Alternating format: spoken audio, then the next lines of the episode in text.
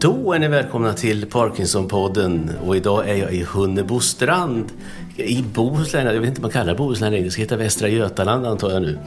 Eh, och här är en riktig sommaridyll. Nu är det lite eftersäsong, kanske lugnt och skönt kan man tycka. Här har Birgitta och Claes Eklund från Örebro sitt sommarhus. Eh, och eh, nu sitter vi i deras fantastiskt fina, ska man kalla det uterum eller ska man kalla det glasveranda eller vad ska man säga Birgitta? Eh, glasveranda tycker jag låter bättre. Det låter bättre? Ja, det låter bättre. Det, Tack så mycket för att du komma hit. Ja, vad kul att du ville komma. Ja, jättetrevligt.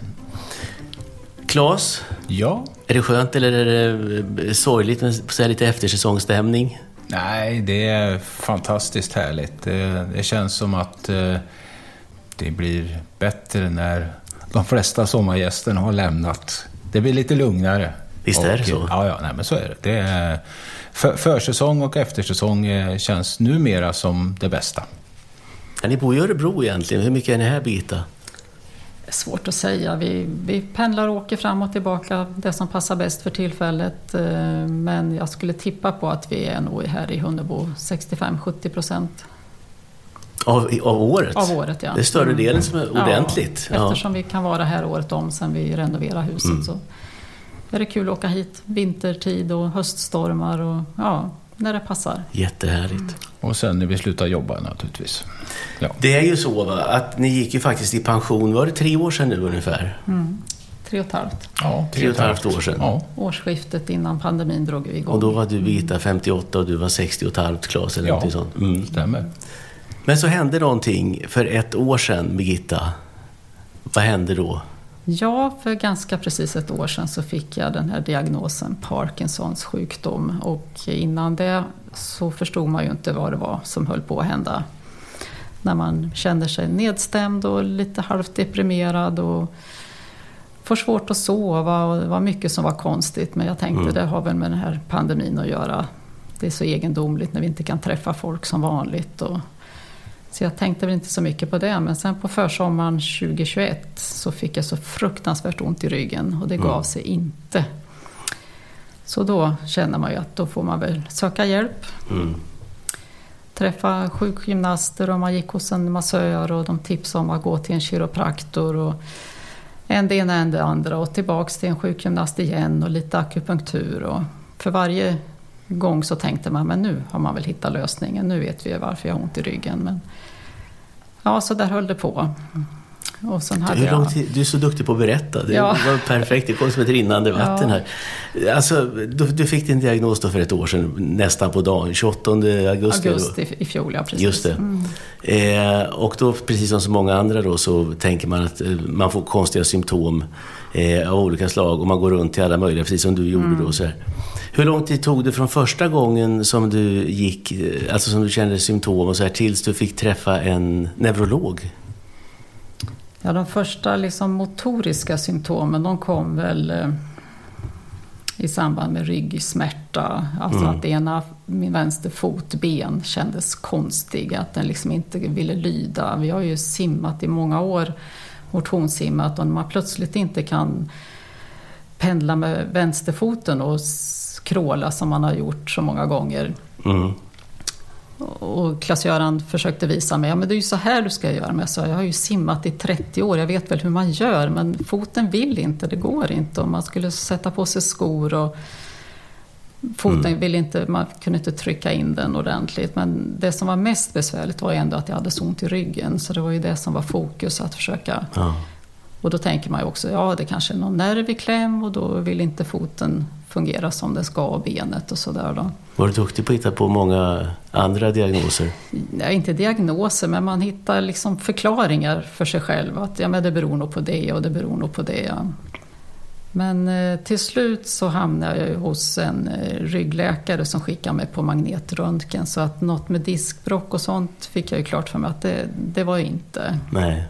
Och det är man ju fortfarande så här, varför kan jag inte sova på nätterna och varför har jag så ont i ryggen? Och värst var ju det här att sitta still. Du var nedstämd också? Ja, jag kände mig deppig, men jag tänkte det har väl att göra med att sover man inte så, det är klart, då är man inte så himla tipptopp på dagarna. Om man har svårt att sova på nätten och mest vandrar omkring och försöker hitta på något att göra. Men eh, till slut så träffade jag en neurolog på Capio läkargruppen i Örebro som hade en misstanke om Parkinson i alla Mm. fall. Och hon ordnade med remiss till... Vad kände du då när, när hon sa det att eh, jag misstänker att det är Parkinson, men jag kan inte säga det hundraprocentigt? Det kände nog mest lättnad.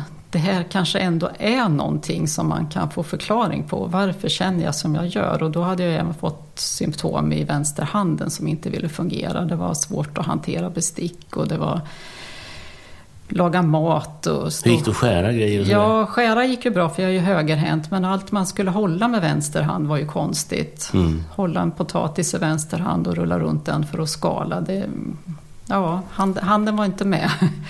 Du stod ju bredvid hela tiden här nu Claes och, och såg alltihopa det. Allt från simningen, eh, när du försökte lära dig simma efter 30 år och ta i med vänsterfoten nu, skärp dig. Ja. Vart du frustrerad när det blev så här eller vad, vad kände du? Nej, det, det, man, man börjar väl fundera och söka olika orsaker och, och som, som Birgitta sa här så, ja det var ju simningen och sen när vi var ute och promenerade och gick så tyckte jag att eh, Ja, vänsterfoten, det är inte liksom det här draget. Hon, hon går inte som hon har gjort tidigare. Det är inte skjuts. Så att vi, vi till och med faktiskt filmade här på, på gräsmattan när hon gick fram och tillbaka. Så att det är någonting ja, ja, som inte är som det ska. Men, men om det är någonting med, ja, med höften eller någonting. Och sen, sen var det ju Ont i ryggen?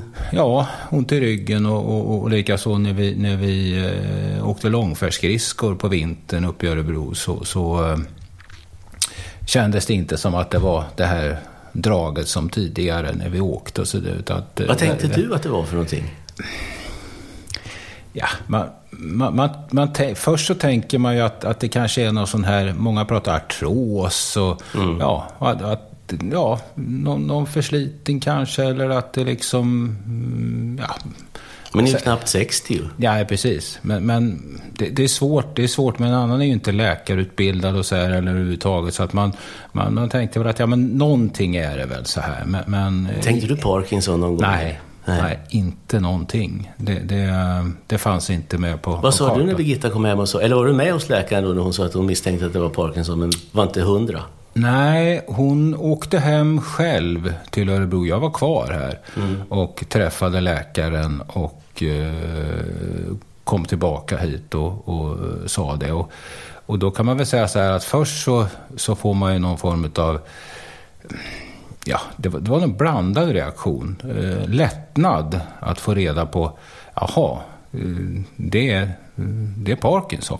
Samtidigt så kände man ju att, eh, ja, varför, varför Birgitta? Varför, varför vi? Varför? Men, men det, det suddar man ut ganska fort. Eh, och, och kände mer att, ja men en lättnad. Och sen, eh, sen tog det en, en stund Eh, innan det vart riktigt konstaterat så att säga.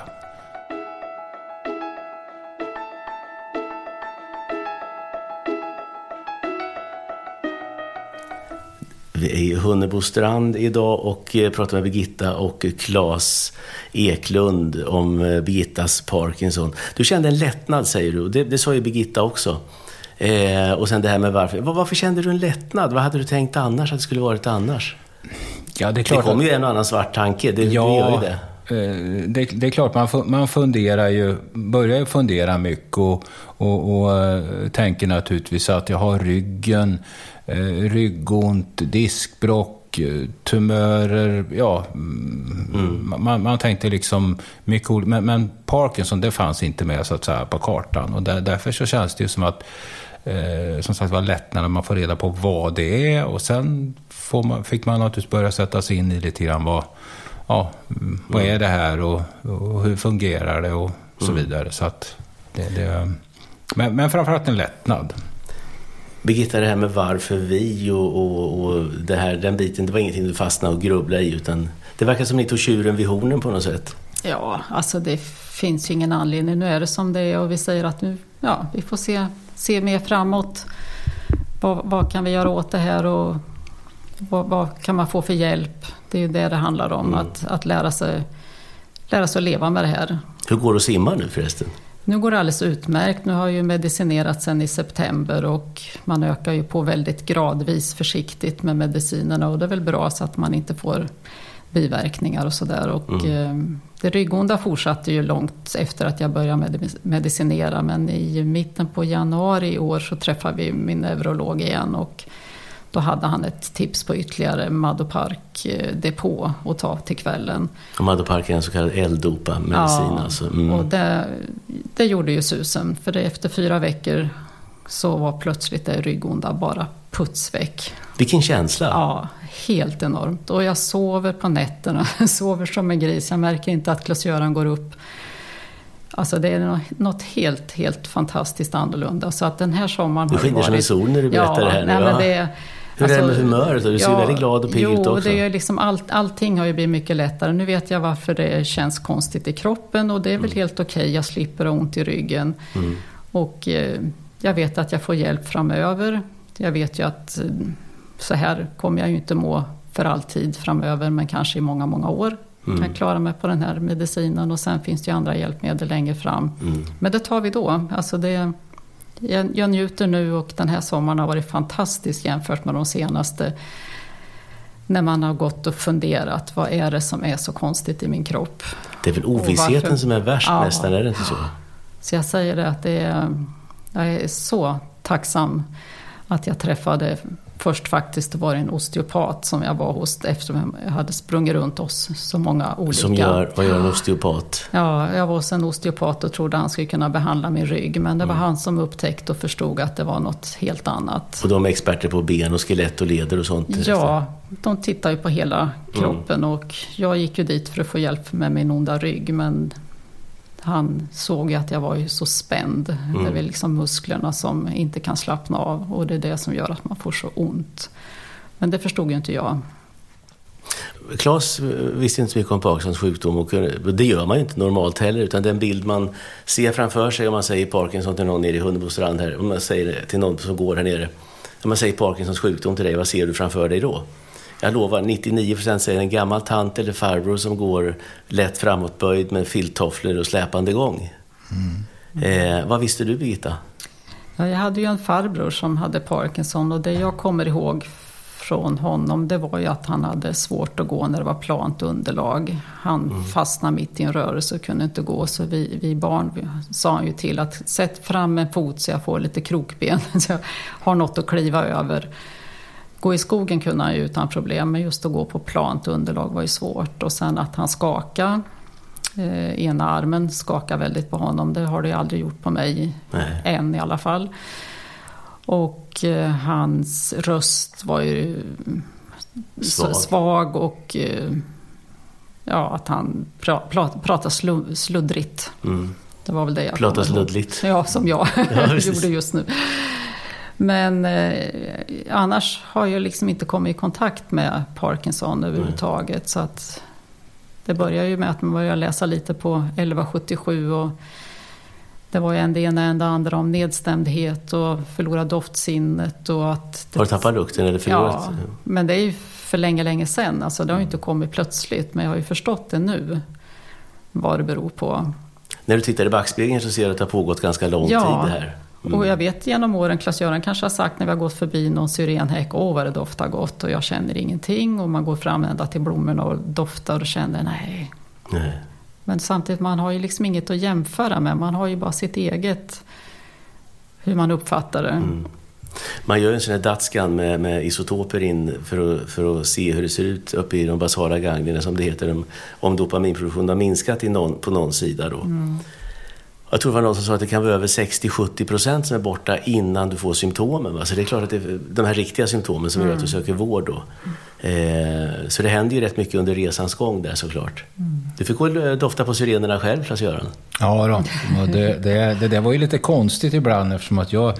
Eh, jag ska väl säga att jag har extremt bra luktsinne, men, eller doftsinne, men, men alltså att, att eh, eh, ja, jag sa vid olika tillfällen och, och, och mat och sånt där. Och, men, men Birgitta sa, nej men jag känner ingenting. Och, ja, man, man gjorde, tog inte någon notis av det och tänkte att, utan ja, det, så här är det väl. Så att, eh, Och inte minst när vi följde med goda vänner här i Hunnebostrand på vinprovningar.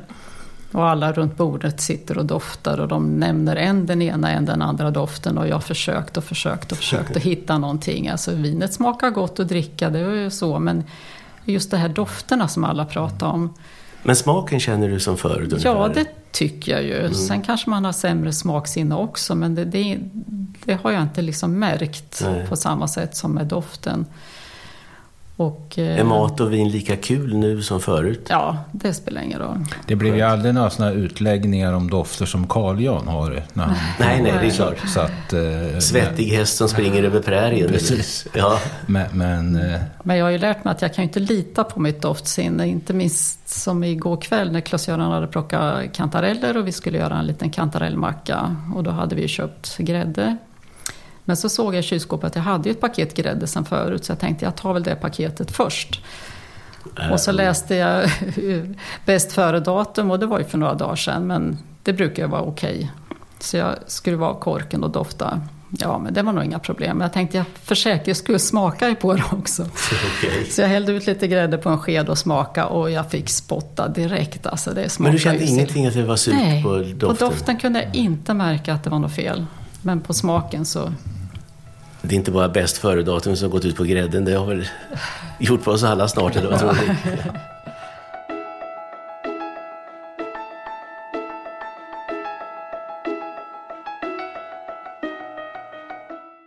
Bäst före-datum pratar vi om i Parkinson-podden just nu. Och sen detta med eh, att få en diagnos då. Alltså ni, vad var planerna? Ni gick ju i pension ganska tidigt faktiskt, då 60 och 58 år. Vad, vad var tankarna då, Claes? Ja, tankarna var väl då att eh, vi skulle eh, ut och resa en hel del, hade vi planerat. Och eh, eh vi, vi eh, idkar ju också en, en, en, sport. Vi försöker att spela golf med viss framgång så här och tänkte vi spela mer golf och ja, så här. Men eh, sen kom ju pandemin och det är klart att då, då, då ställdes ju allt på sin, på sin kant. Mm. Eh, och eh, eh sen, sen när då den här Eh, pandemin släppte och Birgitta fick så ont i ryggen och då kände vi ja men nu kan vi inte eh, ut och resa så mycket som vi hade tänkt utan för det här med att sitta och åka bil och så det, det, eh, det funkar kanske 45 minuter sen fick vi stanna och, mm. och, och eh, det gjorde att vi fick skrinlägga en hel del sådana planer men, men eh, samtidigt så, ja, man, man, accepterar ju det och sen nu när, när eh, det ryggonda har, har släppt så, så det är ju faktiskt så dessutom att eh, Birgitta spelar ju fantastisk golf numera jämfört med hur det bara var för ett år sedan mm. eh, tack vare eh, den här eh, Ja, vi Eldopan. Eldopan. Mm. Det, det, så att eh, det är jättekul. Fantastiskt roligt. Är det någonting ni inte gör, Birgitta, på grund av Parkinson, eller lever ni precis som vanligt? Jag tycker vi lever precis som vanligt. Det är väl egentligen bara två saker som inte är som förr. Och det ena är att jag inte längre kan lämna eh, plasma. För det får mm. jag inte göra för jag medicinerar. Jag ja. försökte vara blodgivare ett tag men jag hade inte tillräckligt bra blodvärden. Men plasma kunde man ju vara givare av. Så det får jag inte göra längre. Och sen kan jag inte gå i högklackade skor. Det är väl de två sakerna. Ja. För det funkar inte. Nej, det är ju lite annars... ilandsproblem på ett ja, sätt. Ja, verkligen. Inga bekymmer alls. Jag klarar mig utan både det ena och det andra. Men det är väl, ja, när vi lever som vanligt. Ja. Mm. Vi, eh, som sagt, vi golfar och ska passa på ut och resa nu när inte ryggen ställer till några bekymmer. Skidor? Skidor har vi ju varit och åkt nu i år i mars. Vi var Både längd och utför? Ja. ja. Långfärdsskridskor? Ja. Det får det gärna ja. bli mer av. Mm. Och sen mycket, vi är ute och promenerar mycket, rör på oss mycket. Eh, skaffade såna här stavar. Eh, sviktande? Ja, sviktande mm. stavar ja. som vi går med.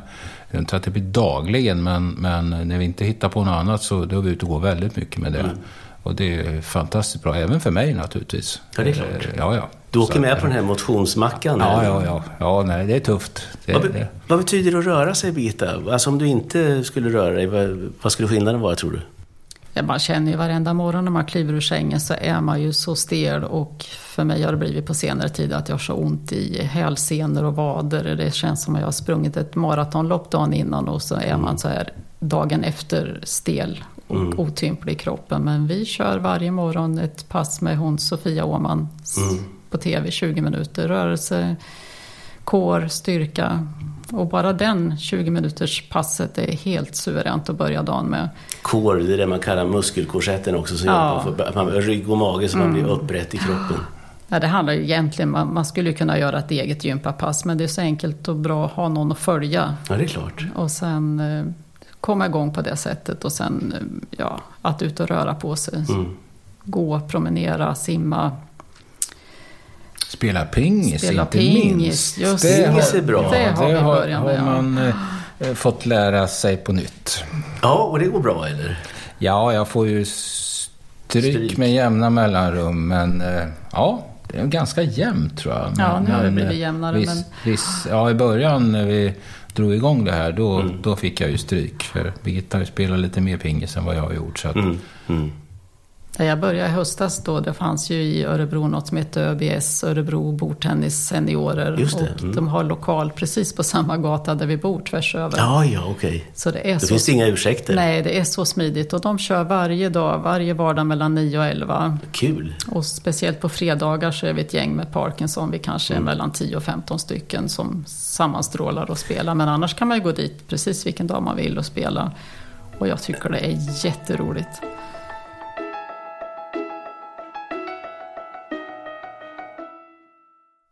Det här med att du går på pingis då, för att alltså, eh, för mig tog det lång tid innan jag ville träffa andra som hade Parkinson, för då tyckte jag att man kände sig så sjuk. Och man vill inte se vad som händer framöver. Hur, hur snabbt gick det att träffa andra som hade Parkinson? Ja, det vart ju nästan på en gång. Om man säger, fick diagnosen för ett år sedan och så började jag väl med pingis någon gång där i oktober. Mm. Och jag, det var nog mer en händelse att jag fick veta att det fanns. Så jag tänkte jag provar. Jag tyckte det var roligt att spela pingis när man gick i skolan så jag tänkte det det kan vara kul att prova på. Hur kändes det att träffa andra som hade samma sjukdom? Lite knepigt till en början, för man kände inte att man var där själv riktigt så. Men sen tänkte jag nog att det är lite nyttigt också mm. att se. Vad, vad kan det bli? Mm. Och att de håller igång. Är du aktiverad på, inom Parkinson-grupp annars eh, på något sätt? Eller? Nej, det är inte. De tjatar ju lite på mig att jag ska börja med boxning också, så jag kanske får se till hösten. Här. Det är kul kan jag säga du, dig. Du tycker det? Ja, det är jättekul. Det upptäcker ja. man vid 61 års ålder, ja. liksom, men det är fantastiskt kul. Ja, det kan vara värt att prova. Man kan uh, ha såna affirmationer och se uh, människor på den här säcken och sen är det mm. Jättehärligt. Ja. Mm. Ja, sen hittade du också eh, här nere, inte så långt från Hunnebostrand, en bordtennisklubb som heter Dalen.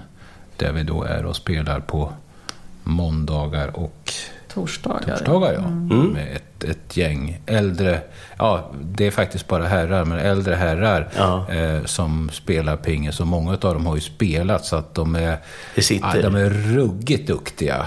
Eh, och eh, det, det är jättekul alltså. Kul. Så att, ja, verkligen kul. Så att, det kommer vi att fortsätta med.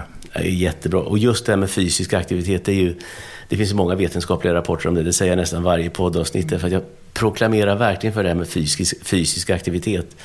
Har du 75 procent av din maxpuls tre gånger i veckan i ungefär 20 minuter, en halvtimme, så får du en tillväxt av neuroner och, och kopplingar i hjärnan. Alltså, vilket är fantastiskt, såklart. Mm.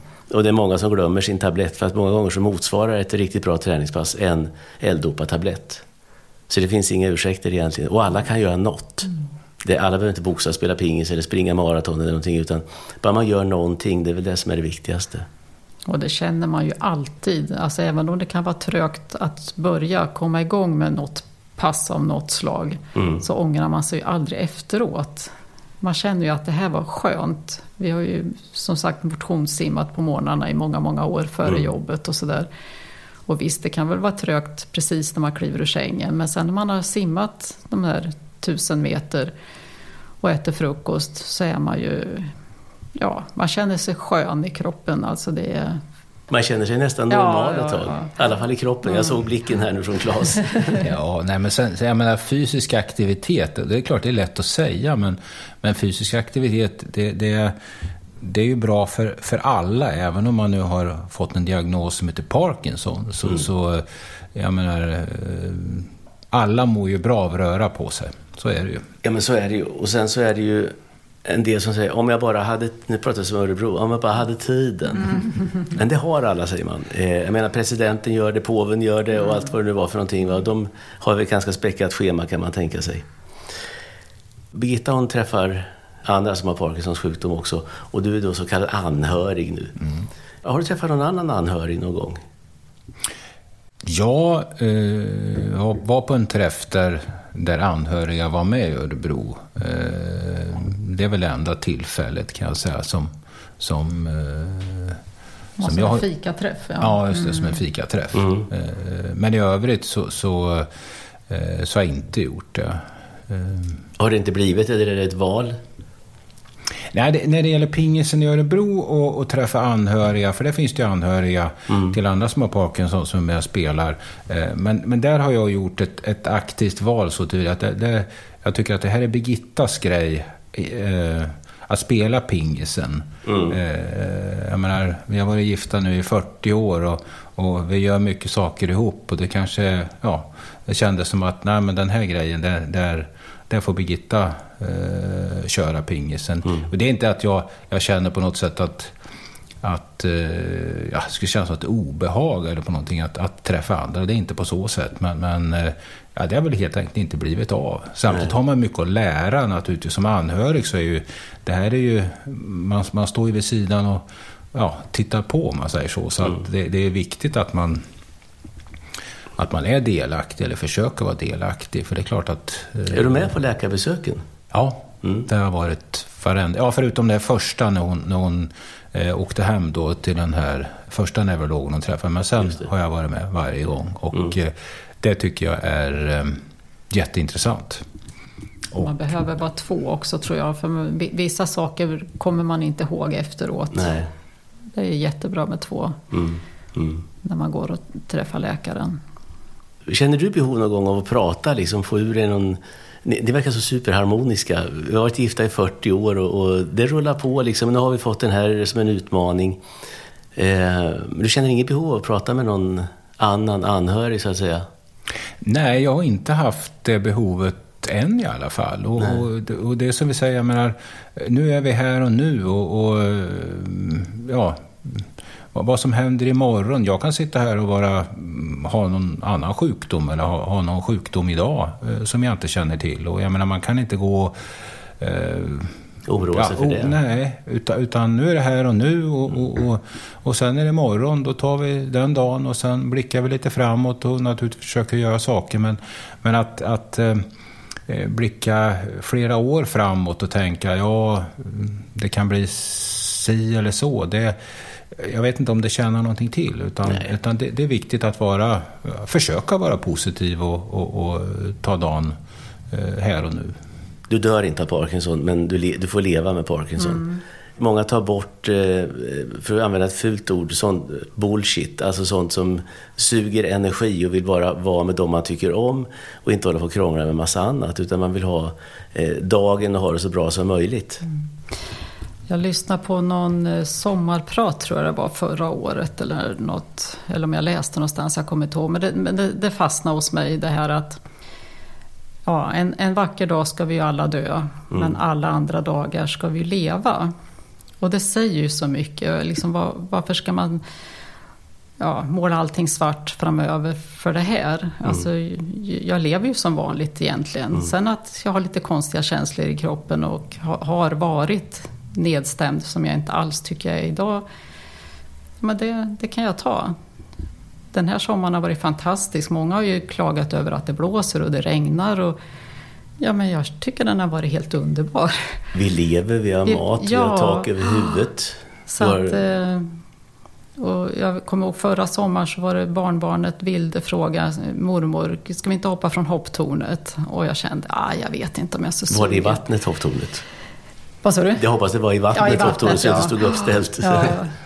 Och då säger han till mig så här, mormor du skulle vara jättemodig om du hoppade Och då kände jag för hans skull liksom att ja, jag vill vara jättemodig. Det är klart jag ska hoppa från hopptornet. Så då gjorde vi det. För då kände jag så att ja, men nästa år kanske jag inte alls är så här rörlig så att jag tar mig upp för den där trappen. Ja. Eller så är du det. Var, ja, eller så är jag det. Men varför inte passa på nu då, mm. när han frågar och vill och tycker att du är modig om du gör det. Ja, men då kände jag, det är klart jag ska. Man har inte det man har gjort, man har det man inte har gjort. Precis. Så mm. att, eh... Sen ska man ju inte alltså, stressa upp sig och springa och göra eh, eller ja, det är väl upp till var och en, men, men, men eh, att göra massa saker som Eh, bara för att nej, vi nu har, mm. eh, Birgitta har en, en, diagnos att hon har Parkinson. För, för det är ju inte så man lever heller. Nej. Vi har ju aldrig pratat om att åka Vasaloppet förut, så varför skulle vi plötsligt få för oss att det måste vi göra nu? Baklänges. Ja, precis. nej, men, nej, men liksom njuta av dagarna och inte haka upp sig på oväsentligheter. Alltså, lite så. Mm. Om vi hoppar tillbaka lite grann när du hade fått diagnosen och du berättade den för dina barn och barnbarn. Hur reagerade de då när du sa som du var? Ja, jag började med att berätta för barnen efter den första när jag hade liksom fått det här med misstanken. Mm. Och jag talade om för dem det. Jag kommer att få veta men jag känner ju själv i kroppen att någonting galet är det ju. Mm. Och det är klart de blev lite ja, överraskade. Man tror väl liksom inte, det syns ju inte på mig heller. Det är väl det som är lite grann att jag skakar inte men de visste ju att jag haft ont i ryggen en längre tid. Och, och samtidigt, tiden går och de har sina liv och ja, vi lever som vanligt. Håller inte på och tjatar och gnatar om, om det här. När du träffar andra människor ute och sådär, hur är du då med, med att prata om diagnosen? Tar du upp det överhuvudtaget? För våra närmaste vänner har vi tagit det pö om pö. Mm, inte, inte på telefon utan när vi har träffats så har mm. vi pratat och berättat. Och sen de här som är lite mer bekanta på avstånd som lite hastigt kastar ur sig. Ja, hej och hå, hur är det med er? Mm. Så känner man ibland att ah, jag tar det inte här och nu. Vi kan prata om det en annan gång men inte i kön vid ICA eller så. Men det finns ju, ingenting, finns ju ingen anledning att inte berätta för de man känner att man vill berätta för. Alltså, sen har jag väl liksom inte ringt upp folk för att liksom, hej och hå, nu vill jag mm. berätta det här. Utan man tar det när man träffas och är lite lugn och ro så. Att Under känner, ordnade former? Ja, mm. på något vis. Så, så, inte bara hastigt när man sammanstrålar på stan sådär då. Nej. Ja, man, kan ju, man kan ju ha så att två vinklingar på det där. Det ena är om man berättar det och eh, alltså det, det, kan ju bli att en del börjar tycka, tycka synd om en. Eh, på ett sätt som kanske egentligen inte eh, finns någon anledning till. Eh, så att, det, det, ja, att, att berätta det, det, det, kan vara både och om man säger så. Då kommer vi in på det här med offerkoftan. Ja.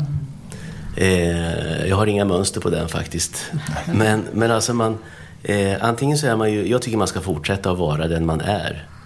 Eh, du Birgitta, jag är Anders. Eh, Parkinson, det, det, är med. Det är med i paketet så att säga. Men det är inte det som är huvudpersonen. Nej. Eller? Nej, nej, nej. Absolut inte. Och jag tänker på... Alltså det finns ju så mycket. Jag menar, får du en... Eh, problem, alltså diabetes eller vad som helst. Det här du, nu hela livet ut måste medicinera på ett eller annat sätt. Mm. Det är ju liksom samma sak. Mm. Och det finns ju så mycket, så mycket annat också. Så det är ju... Ja, inte, inte något att haka upp, haka upp sig på. Nu, nu har jag den här diagnosen, nu äter jag min medicin. Det gäller att komma ihåg det bara. Mm. Och än så länge så mår jag ju fantastiskt bra tack vare medicinen nu. Behandlar Claes dig på något annat sätt nu efter diagnosen? Nu sitter ni precis bredvid nej, varandra här. Nej, nej, nej. nej. Än han gjorde innan? Nej. Du får fortfarande göra allting? Nej, det är det jag inte har gjort. jag har inte gjort allting förut och jag gör det inte jag nu vet, heller. Jag vet, det var därför jag vågar säga så. Nej, han, har, han är fantastisk och tar hand, han tar hand om så hemskt mycket i eh, vad heter det, hem, hemmiljön. Med städning och tvättning och handla och... hemmajobbet helt enkelt? Hemmajobbet, ja. Matlagning? Inte nej, så mycket. Inte men, matlagning. Nej. Det har blivit lite mer men det är, ja. jag, det är jag som har varit, gjort felet att jag lägger mig i. Det är bättre att jag mm. lämnar honom själv i köket så han får prova. En del... jag, jag, det jag märker det, det är kanske att att jag, jag frågar nog mera eh, om vi ska göra saker och ting. Om, om det liksom... Eh, ja, hur det sen, ska vi göra det här nu eller ska vi vänta? Eller, ja, alltså att, att man, är, man, man är lite... Eh, ja, man kör inte på bara utan man lugnar upp det lite grann. Framförallt som sagt på morgnarna, att inte stressa. Nu har vi inga jobb att gå till så det är inte något problem. Det får ta lite tid framförallt på morgonen med tanke på att den här stelheten och så som, som mm. Birgitta upplever. Så att, eh, du står inte nere vid ytterdörren och säger skynda dig och ta på dig så vi kommer iväg? Nej. För det går ju inte att skynda sig då? Nej, nej. Nej, och, och det lustiga med det här att man har blivit långsam är ju på något vis att Ehm, man tänker inte på det själv, men jag märker ju att Klas-Göran är så mycket snabbare än mig, som man inte kanske var förut. Om man säga att vi ska åka iväg någonstans och man ska packa och man ska göra sig i ordning och man ska klä sig. Så ja, det tar lite tid, men man fattar ju inte att det gör det förrän jag ser att han är ju klar långt före mig. Vad känner du då? då? Ja, det spelar ju ingen roll. Vi Nej. har ju inga tider att passa Nej. just. Så att, eh... Hur mycket betyder det att ni inte har det? Att ni är pensionärer nu? känns så konstigt att säga pensionärer. Ja, ja daglediga. daglediga. Ja, daglediga. Okej, okay, ja, precis. Ja. Nej, det är ju jätte, jätteskönt att när, det här dök upp så är jag ju så glad och tacksam att jag inte var i yrkeslivet faktiskt. Mm. För jag tänker om det hade dykt upp då och man inte hade klarat av jobbet och inte förstått varför kommer jag inte ihåg saker eller varför blir det konstigt när jag ska skriva på datorn. Och, så att eh, jag är tacksam över det också, att jag hade slutat jobba. Blir du stressad? Nu nej. Nej, nej, nej. nej. Nu blir du inte... Nej. Många säger att de får börja planera på ett helt annat sätt. Att de ska åka någonstans. Man tar fram kläderna på ett helt annat sätt och lägger det som en brandkårsutryckning ungefär. Nej, det tycker jag inte att jag gör. Så, eh, mer, mer än att jag märker som sagt när vi är på väg någonstans. Vi kanske har sagt ett klockslag, vi åker vid tio. Mm. Då är jag ju klar till tio. Men att det är Visst tar det väl lite mer tid, det gör mm. nog det. Fast jag själv tycker bara att jag tar det lugnt. Mm. Jag har inget bråttom. En del som är i er situation då, som har varit gifta länge eh, och en blir sjuk, då finns det en risk som man pratar om att man hamnar i vårdar och vårdtagarroller. Det verkar inte vara någon större risk tycker jag. Nej, Nej det tror jag inte heller. Inte inte som det känns här och nu. Och, och, ja, men det som vi säger, men här och nu. Och sen skulle det inträffa någonting i, imorgon som gör att det blir något annat läge, då får man ju ta det utifrån det. det, det eh, och vad man har förstått av det här med Parkinson eh, är ju att det är så otroligt individuellt. Mm.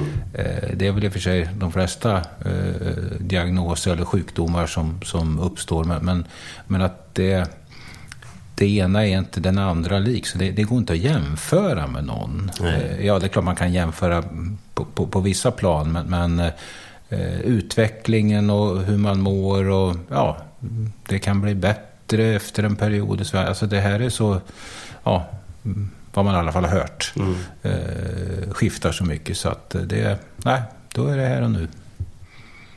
Här och nu är det som gäller. Alltså det låter så samlat och, och ordning på allting. Här. Alltså har du några goda råd, Birgitta, till sådana som är nydiagnostiserade?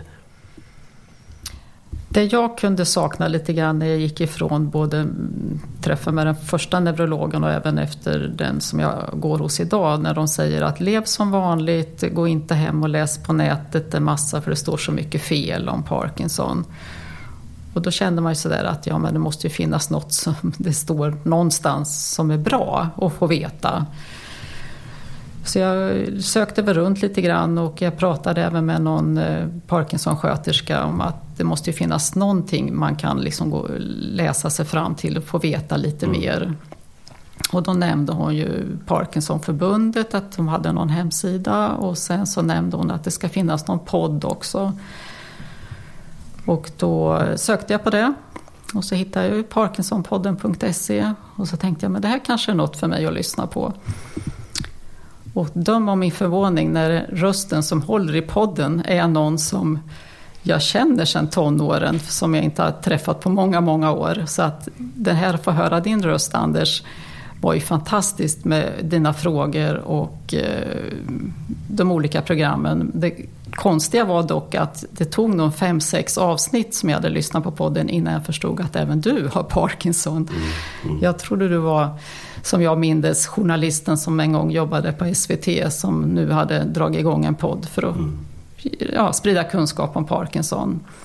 Men det, det, gav ju ännu större innebörd när jag fick veta att du har det också, för det är ju dina egna funderingar och frågor som liksom bakas in tillsammans med alla oss andra. Och att det är neurologer som svarar på frågorna. Mm. Så det... det... har gett mig jättemycket liksom för att få veta vad är det för sjukdom, vad kommer att hända, vad blir det av det här framöver. Det är det man liksom har det är ändå... Precis de, det är grundfrågorna. Vad händer nu? Vad händer nu, ja. Mm. Det som har varit kul också och, och väldigt bra, det är ju att, att eh, ja, när Birgitta berättade det här då så, så lyssnar vi på de här, ja, när vi sitter i bilen och åker och, och så här och även vid andra tillfällen, men framförallt i bilen lyssnar på det här. Det, det ger mig väldigt mycket mm. eh, som anhörig då. Mm. Eh, så att det, ja, det är jätteintressant och eh, att det speglar många olika saker. Så att, eh, ja, det, har, det har gett mig eh, också mycket och att man kan ta fram den här, ja, när det passar. Jättekul och tack. Jag blir nästan eh, tårögd. Men det, det, det, är ju så också, man är inte så unik som man gärna vill tro att man är. Utan de frågor man själv har, de har oftast de flesta andra också om samma sak. Och det måste vara lättillgängligt och hitta saker snabbt. Nästa fråga är, hur ser ni på framtiden? Ja, alltså det...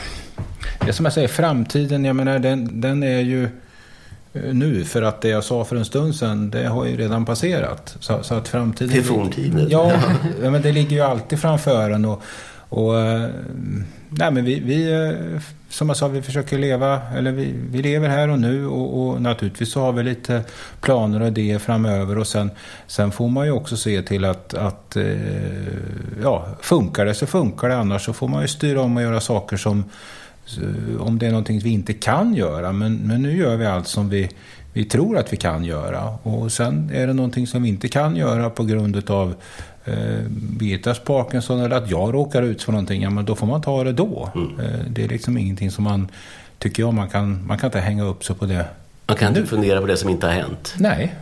Vad säger du Birgitta? Nej, och så har jag tänkt tillbaks i tiden så här när man har sett folk som blir äldre jag minns när vi bodde i villan, en farbror som kom och gick förbi varje kväll med sin hund och han stannade till och pratade lite varje gång. Och sen en gång höll vi på att packa skidor på bilen och skulle åka upp till Kilsbergen med barnen och åka skidor. Och då sa han, ja tänk när man gjorde det, det var ju fantastiskt. Men det kan jag inte göra längre för han ja, var gammal. Mm. Och då har ju tänkt så här att ja, det blir ju så när man blir äldre. Vissa saker faller ifrån, klarar inte av det och det och det längre. Ja men då är det ju så. Mm. Det är ju ingenting man kan göra någonting åt. Utan, och då är det väl likadant här. Om jag nu har en diagnos Parkinson och plötsligt så är det något som inte funkar så bra. Ja men då får man väl släppa det och göra någonting annat. Det kallas livet var det någon som ja, sa. Ja, precis. Mm. Så att, eh, visst, visst, känns det knepigt man pratar om den här sjukdomen. För jag, det, liksom, det är en sjukdom men jag känner mig ju inte sjuk. Nej. Alltså jag, jag, kan inte identifiera mig med att jag är sjuk riktigt så på det sättet. Mer än att man blir påmind när man ska ta tabletter var fjärde timme.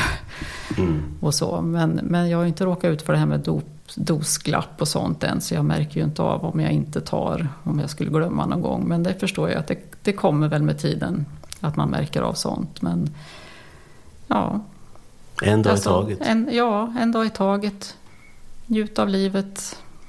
Fortsätt leva alla dagar som vi ska leva. Mm. Ja, och sen just det att, att, eh, att blicka lite framåt, men, men, att man... Sen kan det vara lätt att säga, men, men, att man inte... Är det saker vi inte kan göra, ja men då får vi plocka bort det. Eh, och, och, så får vi göra annat istället, eller man får göra annat istället. Eh, och sen kan man naturligtvis bli besviken att man inte kunde göra det, men, men det är ju inget man... Man kan inte göra ett, någonting åt det. Eh, utan då får man ta det därifrån och framåt. Eh, så att, eh, nej men jag tycker det känns, det, det känns fortsatt väldigt bra. Ja, absolut. Mm.